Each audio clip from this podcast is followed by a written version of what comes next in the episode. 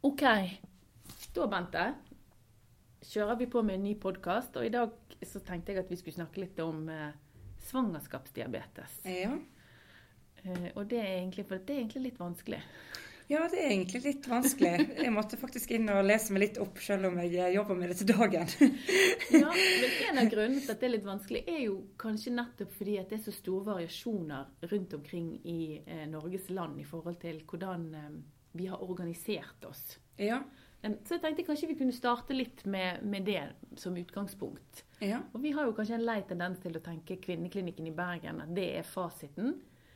Men det er jo egentlig ganske store forskjeller eh, i forhold til hvordan eh, Hvem som kan føde hvor. Eller det er lyg å si. Men altså hvis vi starter med hvis vi starter med eh, seleksjonskriteriene, da, ja. og så sier vi Nå snakker vi om svangerskapsdiabetes. Mm. Hva er det? Hva er svangerskapsdiabetes? Ja, Svangerskapsdiabetes eh, oppstår jo i svangerskapet, altså i graviditeten. Em, og da er det ulike typer. Du har kostregulert, og så har du da medikamentelt behandla, altså enten med insulin eller med metformin. Ja, og det er jo her egentlig seleksjonen eh, på en måte tikker inn. At jordmødrene i svangerskapsomsorgen, og for så vidt på de ulike fødestedene, må på en måte være litt obs. Fordi Mm. den kostregulerte svangerskapsdiabetesen, hva tenker vi om den? Er det veldig problematisk? Eh, Ikke i utgangspunktet obs etter barnet er født, men i svangerskapet så eh, Altså disse kvinnene kan jo bli selektert til en fødeavdeling. Eh, mens når det er medikamentelt behandla, altså insulin og metformin, så skal de i utgangspunktet til en fødeavdeling med eh, der det er en neonatalavdeling, altså nyfødtavdeling, altså barneklinikk eh, tilknytta, eller da kvinneklinikk. Ja, så Hvis vi tar utgangspunkt i vårt distrikt, da, som da er Mhm. Vestlandet, Ja. så har jo vi flere fødeavdelinger eh, som f.eks. Voss og Stord. Ja. Og så har vi to kvinneklinikker, som da er kvinneklinikken i Bergen og kvinneklinikken i Haugesund. Eh, og verken Voss eller Stord, som egentlig er godt bemannet med gynekologer og eh, anestesipersonell, kan da ha kvinner som har en insulinkrevende eller metforminbehandlende diabetes inneliggende hos seg. Da må de flyttes til Da må de flyttes ut ifra anbefalinger og retningslinjene, ja. Ja. Men, og det her vi liksom tenker når vi skulle starte podkasten i dag, at, at kanskje noen vil si nei, men hos oss er ikke det sånn. Men da betyr det at det er gjort noen bestemmelser i den aktuelle enheten som tilsier at det er forsvarlig at disse kvinnene kan være her. For det er jo opp imot et trygt fødetilbud og på en måte forsvarlighetskravene som da tikker inn her. Ja. Mm. Sånn at det som meg og deg kanskje har hatt litt fokus på når vi har diskutert dette i forkant, er jo at det er ikke på en måte én fasit for eh, hvor disse kvinnene kan være. Eh, det er litt avhengig av på en måte Altså det er en fasit, men, men det er en skjønnsmessig vurdering. Derfor så på en måte i vårt distrikt eller i vår helseregion Mm. så vil en kvinne som er tilhørende fødeavdelingen på Voss, og som har en insulinkrevende diabetes, bli henvist til kvinneklinikken i Bergen og må føde der. Ja, det stemmer. Mm. Mm. Og så kan noen kanskje i Drammen eller et eller annet annet sted si nei, sånn er ikke det hos oss. Og da er det sikkert helt riktig. Ja, sant. Men det ja. betyr jo at vi som helsepersonell til enhver tid er nødt for å eh, Oppdatere oss, vet du. Jeg veit det, Katrine. ja, Nei, men Det er et godt poeng at man setter, setter seg inn i de eh, retningslinjene som gjelder for det sykehuset eller det foretaket du er i. For det kan være individuelle forskjeller, ja. ja. Det er veldig Og- vesentlig Ja, å at ta med. ikke vi er på en måte kjekke stilen og sier at Mm. sånn er det, og så er det et absolutt svar. Sant? Ja. At faget vårt er avhengig av ganske mange faktorer Mm. eh, for de tingene der. Men da tar vi utgangs, hvis vi da tar utgangspunkt i at eh, vi har da kostregulert diabetes, og så har vi en insulin- eller metformin-behandlende kvinne, altså diabetiker. Og, Mm. em, eh, så er jo det da på en måte Den kostregulerte kan føde hvor som helst. når, ikke når som helst. Mens den insulinkrevende, eh, eller den metforminbehandlende, den må da på en kvinneklinikk eller en institusjon med en tilhørende neonatal avdeling. Det stemmer. Sånn lite, eh, liten kommentar til det. at Er det en velregulert kostregulert, Eh, men der kan det òg være noe unntak fra regelen. For da kan det kanskje være en seint oppdaga diabetes av ulike grunner. Eller det kan være en dårlig regulert, eh, altså kostregulert. Er det det, så skal det jo da begynne på metformin eller insulin mest sannsynlig. Men vi ser eh, at det kan være seint oppdaga. Eller at kanskje kvinner som ikke har møtt kontroller, f.eks., eller de har kanskje kommet til landet vårt litt seint i svangerskapet. Eh, så kan, der kan det være noen unntak, bare sånn at vi har sagt det. Ja. Men bortsett fra det, så er jeg enig med det du sa, ja. ja, ja, men det er jo et utrolig viktig poeng. Sant? Det betyr at vi er nødt til å bruke helsekortet mm. og gjøre en grundig anamnese hele tiden, sånn at vi sikrer oss at vi selekterer de til rett nivå. Ja. Um, og eh, hvis vi tar utgangspunkt i en insulinkrevende eller metforminkrevende diabetes, så er det jo vi som jordmødre på eh, på en fødeavdeling eller i, i fødesituasjon der vi kjenner at dette kan noen ganger være litt sånn krevende. Ja, ja. Hvis det er lov å bruke et sånt ord. Det er lov å bruke, ja. Eh, men, men hvis, vi, hvordan, hvis, vi, tar insulinkrevende eh, diabetes først ja. um, Hvis du skulle fått en, en insulin, eh, en kvinne som går spontant i fødsel, eller for så vidt blir indusert For det ser vi jo ofte at en, en insulinkrevende svangerskapsdiabetes mm. blir gjerne satt i gang før termin, eh, nettopp fordi at det er en insulinkrevende diabetes. Altså det er induksjonsårsaken. Er du enig med meg i det? Det stemmer, ja. Mm. Kanskje uke 38 og 39 er det en del som i hvert fall blir vurdert for induksjon. Så kan det jo være andre risikofaktorer i tillegg som gjør at de gjerne framskynder mm. en induksjon. Ja. Men det er absolutt et poeng at de sjelden går til termin, ja. i min oppfatning. Ja. Men igjen, der kan det være forskjeller fra sykehus til sykehus. Da. Ja, men, og det er, jo, det er, jo, en del grunner for det. og den en sånn ene grunn er jo at en insulinkrevende diabetiker er, har høyere risiko for et makrosomt barn. Mm, sant? Det stemmer. Og hvis vi da går si, til uke 40, så blir det jo enda større. Ja. og risikoen da er jo kanskje også ja, skulderdystosi. Mm, atoni. Ja store rifter. Mm. Så det baller jo fort på seg her. Så det, det, er en grunn for at vi skal indusere. For induksjon i seg selv er jo ikke liksom halleluja og nøkkelen til alt. Nei da, det er jo pluss og minus med alt som det heter på godt norsk. ja, sant? Men, mm. sant? Så da har du den biten. Men ja. så har du jo også det at um, en insulinkrevende diabetes så tenker deg placenta, sant? som er et hormonelt organ, så ja. er jo det en hormonforstyrrelse her. Ja. Og vi, kan, vi må jo være oppmerksomme i fødsel i forhold til at det er en høyere kanskje påvirkning av placenta, en såkalt placentainsuffisiens mm. pga. diabetes, og at man da kanskje kan tenke ja, asfiksi, eller i truende asfiksi, eller en større, høyere risiko for en patologisk CTG, da. Ja, det stemmer jo. Det er jo en av grunnene til at de kvinnene med insulin- eller metformin behandler diabetes, svangerskapsdiabetes, skal sånn som her i Bergen da, fø på, på en eh, høyteknologisk avdeling. Eh, fordi det krever en annen overvåkning av, av barn underveis. Mm. Eh, og en tettere oppfølging av blodsukkeret både på mor og, og barn i ettertid. da. Men nå sa du blodsukker. Hvor ofte måler vi blodsukker eh, hos en eh, insulinkrevende diabetiker? Ja, I aktiv fødsel så er det eh, igjen litt ulikt, vet jeg, men hver andre time mm. når man går i aktiv fødsel. Og Da er det òg viktig å avklare er det noe kvinnen sjøl eh, eh, har hun apparat med seg. Kan hun ta det sjøl, eller noe vi kan hjelpe henne med at vi måler blodsukkeret for henne. Um, og at det blir lagt inn i datasystemet, at det blir dokumentert at det er tatt. Um, og så skal de jo da ha aktrapid, altså insulinaktrapiddrypp, i aktiv fødsel. Um, og der er det et, et skjema som vi følger eh, ut ifra hva verdiene og hvilken dose kvinnen skal ha. da. Um, ja.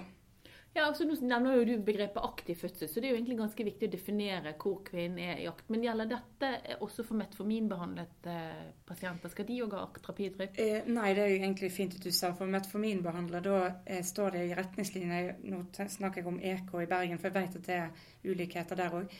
Eh, men da står det at hvis blodsukkeret det skal måles eh, hver andre time, og hvis det ligger da mellom 4 og 7 millimol per liter, så skal hun ikke ha metformin eh, Nei, unnskyld, skal hun ikke ha aktrapid Ja. Men hvis det er over 7 eh, og hun har metforminbehandler, så skal hun ha Actrapid-drypp i aktiv fødsel. Ja. Det var noen som prøvde å komme seg inn Ja. på rommet her. Så det var ikke lykkes det foreløpig. Nei. Nei, så det er jo viktig at, eh, at vi på en måte følger det blodsukkeret jevnt og trutt da, gjennom hele Ja. eh, fødselen. Men du sa noe med at du på en måte avgjør du eller om eh, kvinnen måler det blodsukkeret. Sånn, sånn at, Mm. Men det viktigste er at det blir journalført. Ja, det stemmer. Så hvis det er sånn at kvinnen tar det på sitt, eh, sitt apparat, så noterer jeg det ned underveis, og så vil jeg på en måte ringe ned til laboratoriet på slutten av vakten og si du, kan du legge inn disse blodsukkerne for meg i DIPS, ja, Som vi bruker, som vi bruker. Og hvis vi tar det sjøl, så går det jo automatisk, det automatisk inn i, inn ja. i lab. Så det er jo på en måte plusser og minuser med begge deler. Ja, det, sant? det er jo det. Eh, Mm. For det, du, det er fort gjort i en hektisk hverdag at å gud, nå glemte jeg å finne Ja. inn de eh, blodsukkerne. Men altså annenhver time blodsukker, uavhengig av om det er insulinkrevende eller om det er en eh, Metformin. metforminkrevende. Det stemmer.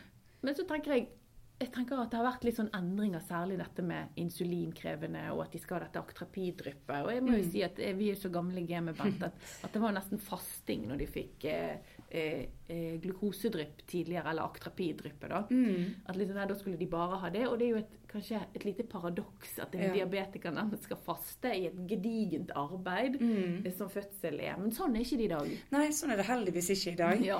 Eh, sånn at nå kan eh, kvinner spise, vi oppfordrer dem til å spise underveis i fødsel.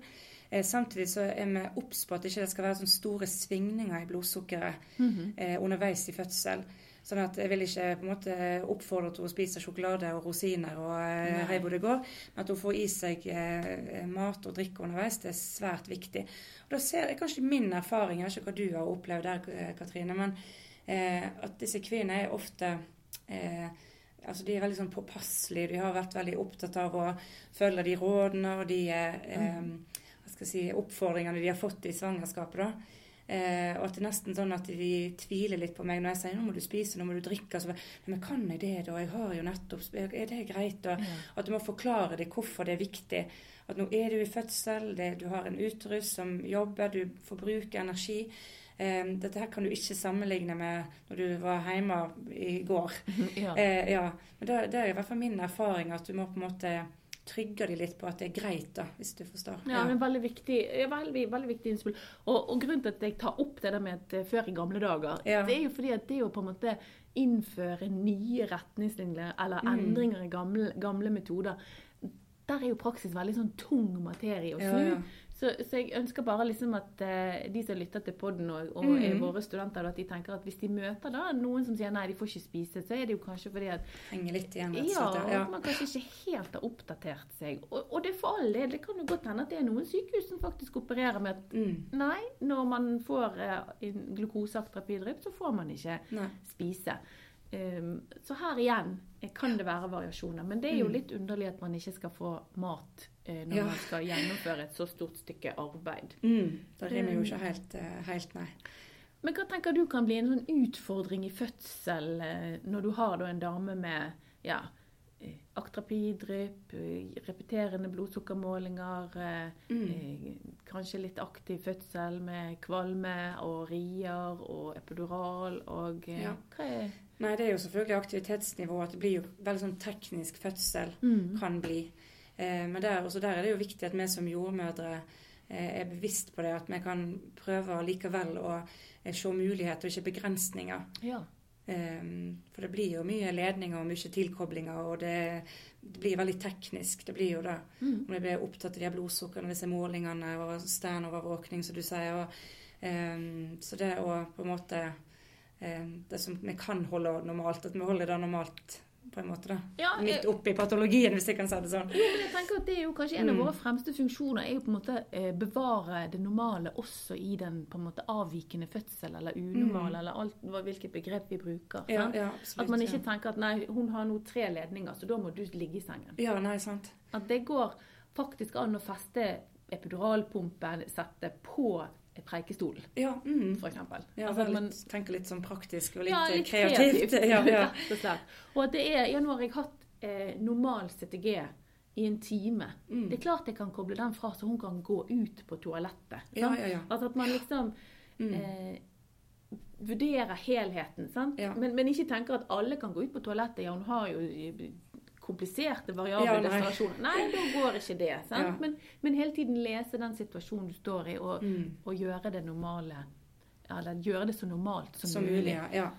En individuell eh, tilpasning. Ja, for det er viktig for Absolutt. kvinnene, tenker jeg. Ja, og så tenker jeg, som du sa, det er jo større sannsynlighet eller risiko for at det er et makrosomt barn. Man trenger jo kanskje mer enn noen gang aktivitet og stillingsendring, gode rier, næring, Mm. um, som er viktig uansett, men kanskje ikke mindre viktig her, da. Nei.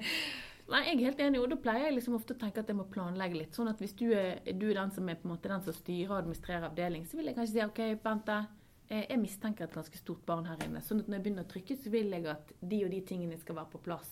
Ja, Legge en plan, at vi liksom har en strategi. At ikke det blir sånn Å, gud! ja Det sant. skulle jeg akkurat å gjøre nå når du Mm. Altså at vi har liksom ligget Et hestehodet foran. foran, ja. ja.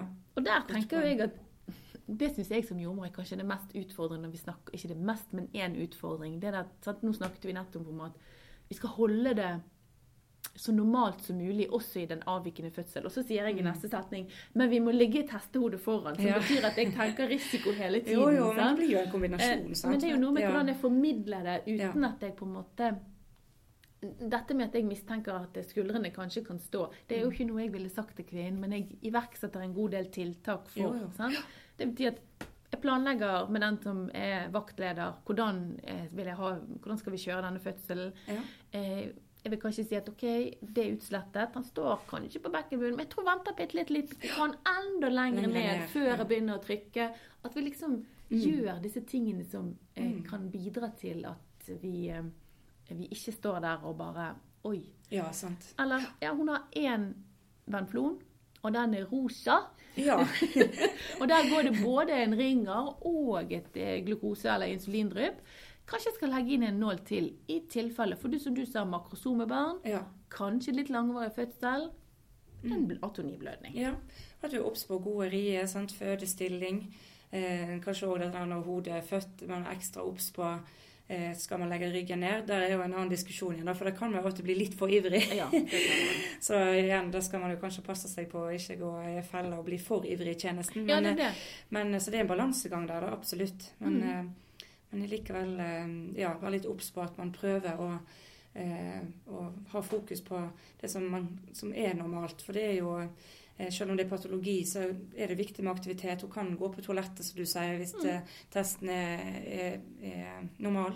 Ja. Så, eh, så det er viktig. eh, Men hvis vi oppsummerer, da, Bente, så kan vi jo egentlig si at både insulinkrevende og metforminbehandlende eh, svangerskapsdiabetikere Ja. bør føde på, en institusjon som har en neonatal avdeling tilknyttet seg. ja.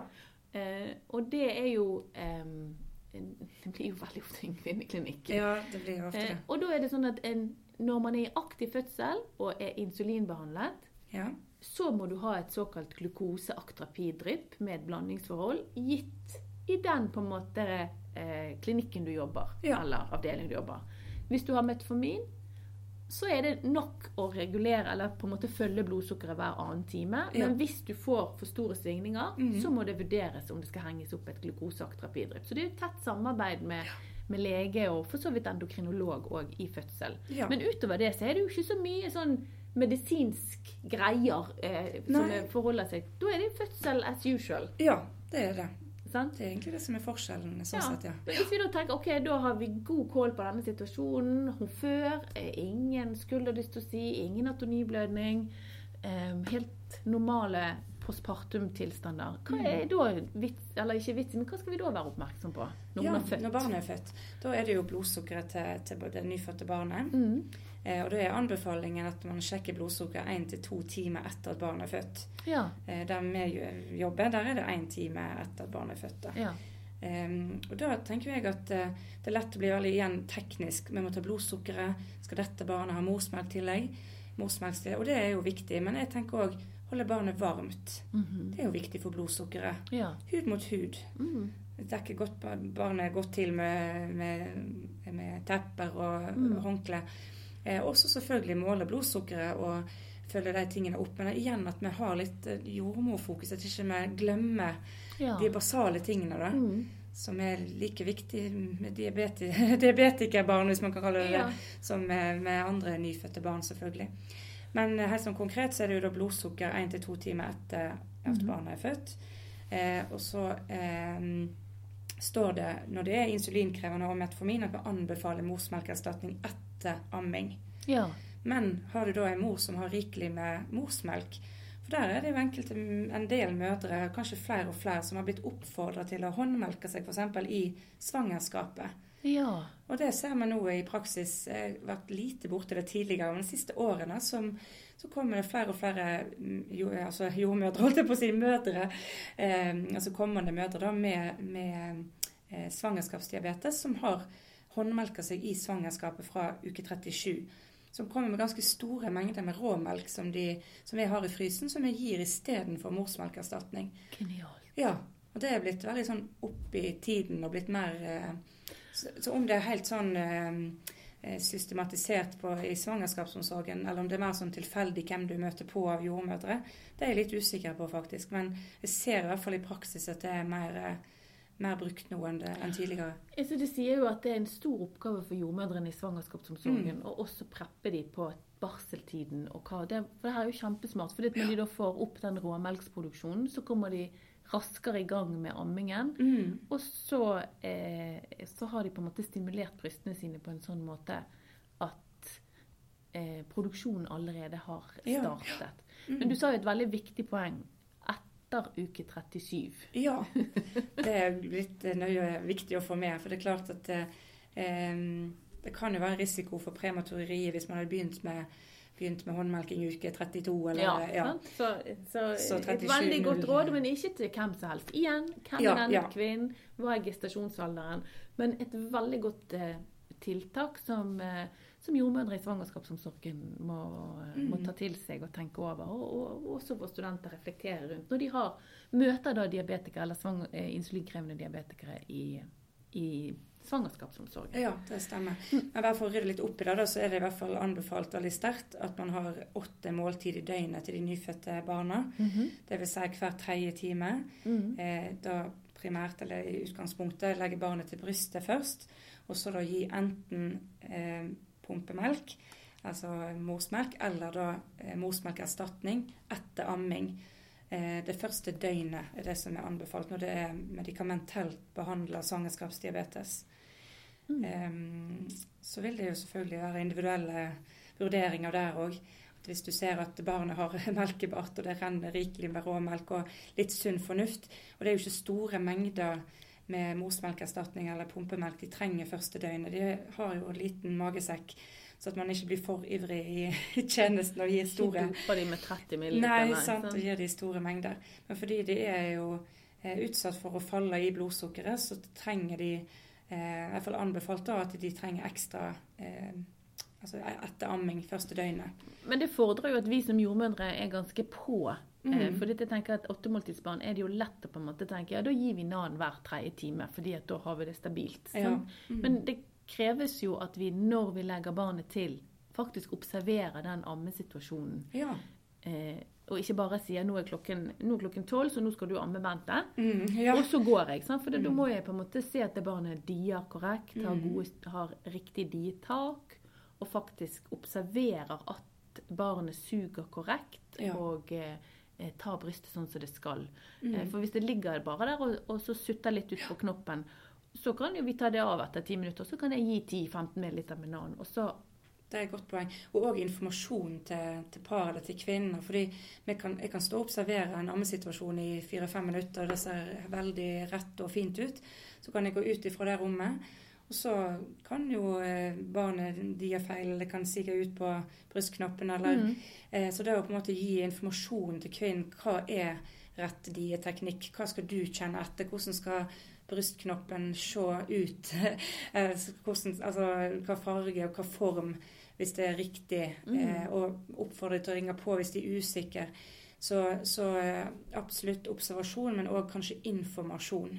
ja, og rett og slett bekrefte Bekrefte, hvor flink du er nå, Bente. Ja, ja. ja. Og det, Ja, det ser nå man gjør du alt rett. Ja. Sant? Det klapp på skuldra, for det med ammesituasjonen, eller ammeutfordringer, det kan være en veldig stor greie for mange. Altså. Ikke bare di- diabetikere, det er mødre, Mm. men, men eh, jeg tror mange blir overraska over at det var større utfordringer med det enn det de kanskje hadde tenkt på forhånd.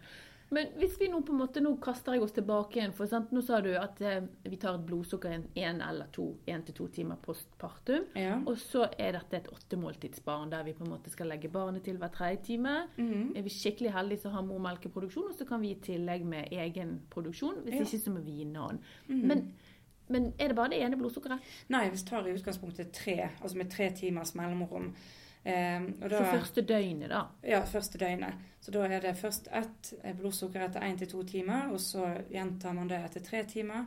Og et nytt et tre timer etter det, med mindre det er lavt. Da tar Ja. man det jo selvfølgelig tettere. Ja. Eller med avtale med barnelege. Eh, og der er det jo verdier på hva som er normalt og hva som er avvikende. Men da vet jeg igjen at det kan være visse forskjeller. Eh, men i, i fødselsveileder så er det i hvert fall eh, anbefalt altså over 2,5 ifra altså 2,6 og oppover, da kan du si.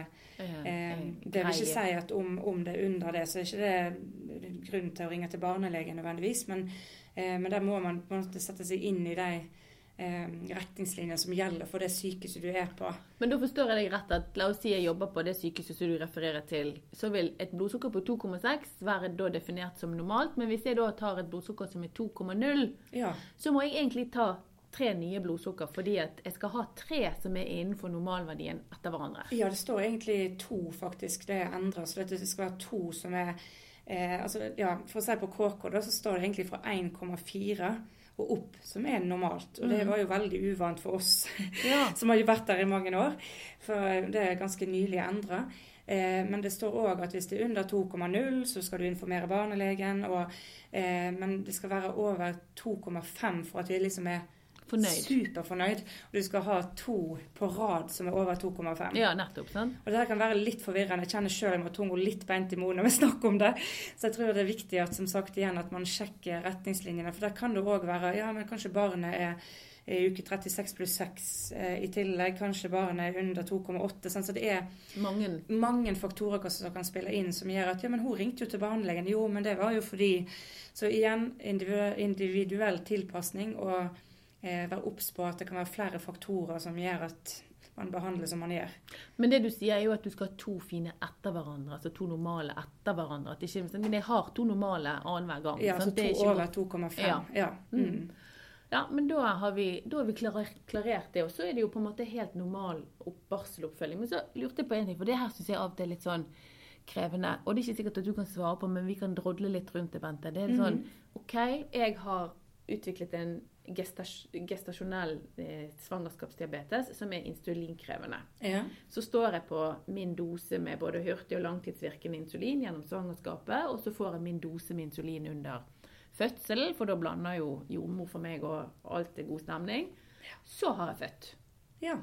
Skal jeg bare slå av bryteren da, eller eh, ja hva der- skjer da? For Ja. det syns, Og det opplever jo jeg at vi òg syns er litt, Litt grann vanskelig. Mm. utfordrende. Skal jeg stå på insulin? For vi har jo da en tredje aktør her som heter endokrinolog. Ja, det stemmer.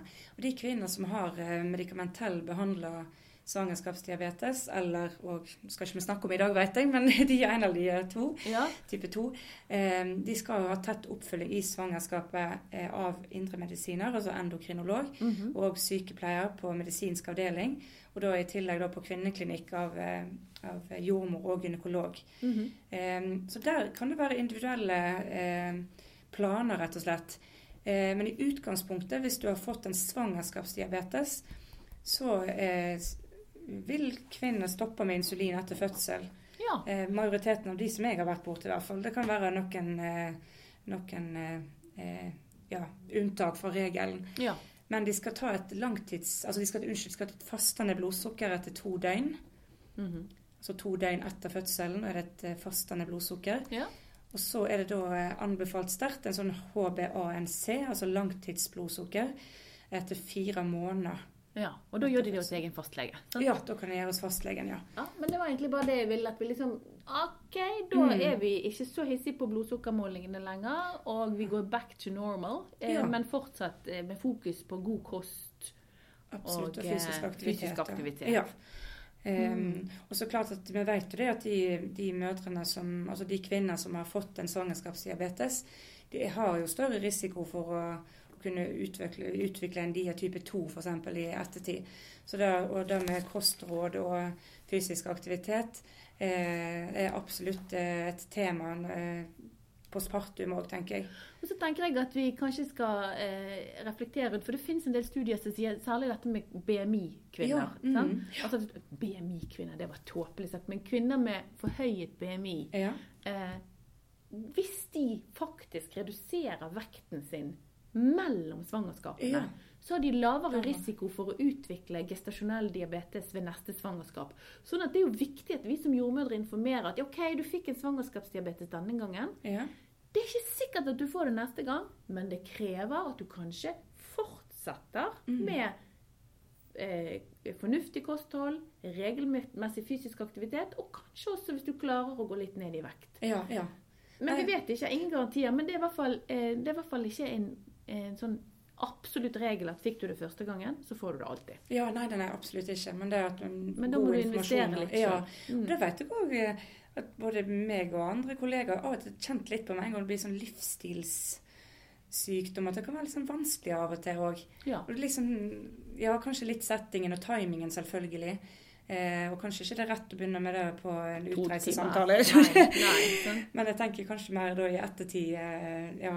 Men det er jo en viktig informasjon å formidle til dem. Så det handler det som du snakker om, er jo inntoning. Når er Ja. på en måte vedkommende mottagelig? Så kanskje det er jordmor i eh, svangerskapsomsorgen, eller den jordmoren som følger deg opp etter fødsel. Så det her viser det jo på en måte nødvendigheten av at jordmor ikke bare Og der var du reist, og så snakkes vi neste Ja, nei, gang ja. du blir gravid igjen.